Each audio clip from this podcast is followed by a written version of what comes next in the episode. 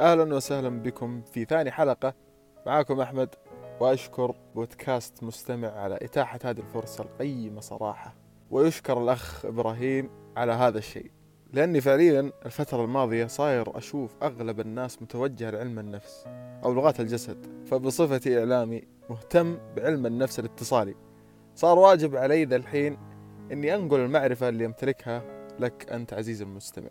أول شيء نحتاج نفرق بين السايكولوجي أو علم النفس والفسيولوجي أو علم الوظائف الحيوية. هذه نقطة لازم ننوه عنها لأن المختص في علم النفس يدرس التصرفات الغير محسوسة. على عكس الفسيولوجي حبيت أوضح لأن الكلمتين تتشابه في المعنى. بس متأكد أنك الآن ما راح توقع في التشابه مرة ثانية. وباقي لنا نعرف ليش سميت سايكولوجيا كلمة علم النفس أو السايكولوجي مشتقة من الكلمتين اليونانيتين. سايكو ومعناها النفس أو الروح أو العقل. ولوجيس واللي تعني كلمة. يعني إذا حبيت تترجم المعنى حرفين راح يكون كلمة النفس. وهذا دليل على اهتمام البشر عن الماورائيات منذ القدم. يعني الاهتمام موجود ما دمت تعقل. طيب أنا متأكد بأنك يا عزيزي المستمع تبحث عن إتقان هذا العلم بطريقة غير مباشرة. ممكن تحسب الإثباتات معدومة عندي وأنك تبغى تطلع على هذا العلم من باب الفضول لا أكثر ولا أقل. طيب لو حاب أقول لك أن دليلي هو أنك تعقل وتفكر. عشان كذا تبحث عن تفسيرات للأمور الغير محسوسة. مثل أنك تبحث عن حل لتعديل رأي الناس أو تبغى تزيد ثقة الناس فيك. أو تحسن من أسلوبك في الخطابة. وأنا عارف أن كل الأمور الجسدية فيك تشعرك بالرضا بس أنت تبحث دايم عن زيادة الثقة وإظهار الشخصية الأمثل.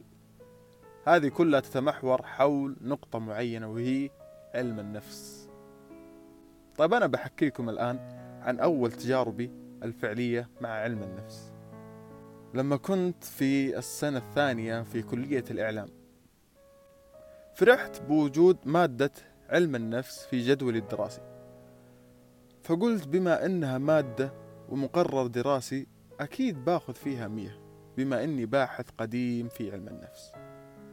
انتظرت موعد ديك المحاضرة بفارغ الصبر حتى جاء موعدها. ورحت لها وفي بالي شيء واحد وهو إني راح أواجه علم النفس.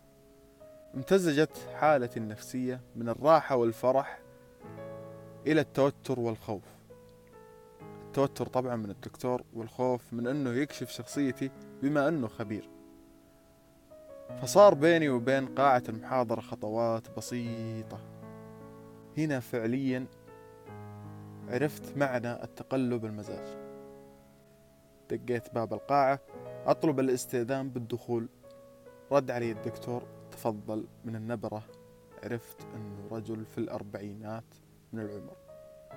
القاعة تبين معي كل ما فتحت الباب.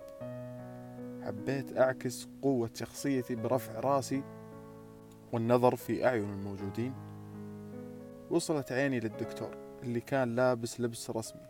بكرفتة زرقاء يناظرني بابتسامة. أقدر أوصفها بأنها مرعبة.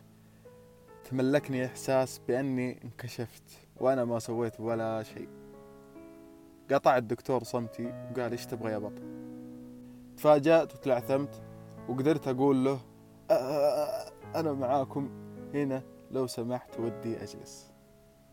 فرد علي بجواب فاجأني وقال أنت شايف أنه ما في كراسي وأمرني أني أجلس في الأرض.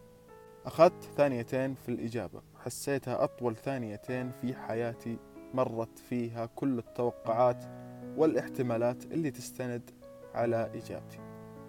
بعدها أخذت القرار وجاوبت عليه أبشر. ما عندك مشكلة. فرد علي مباشرة بأحسنت وهذا الرد الممتاز أذهب يا أحمد وجيب لك كرسي وشرفني. انبسطت وارتحت لأني نجحت في اختبار مفاجئ من الدكتور. وحسيت إني عالم نفس. بعد ما جلست سأل الدكتور سؤال للحاضرين وكان السؤال مين فيكم حاب يخضع لضغط نفسي؟ طبعا رد الطلاب كان الصمت التام ما حد تجرب إنه يرد. بعدها ناظر فيني وقال يا أحمد اجلس في النص. بوصف لكم شكل القاعة كان الطلاب متوزعين على شكل نصف دائرة والدكتور كان مقابل لهذه الدائرة. يعني اللي بيجلس في نص هذه الدائرة بتكون كل الأنظار عليه. لكن بصفتي طالب في كلية الإعلام قبلت هذا التحدي. وقمت وسحبت الكرسي وجلست في نص الدائرة هذه. كانت كل الأنظار متوجهة علي كأنها سكاكين أو سيوف. يعني الضغط النفسي كان جدا كبير علي.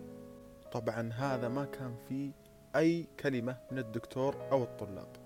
لكن العامل الغير محسوس كان شديد وقوعه علي فحاولت أني أقاوم هذا الموضوع بلغة الجسد.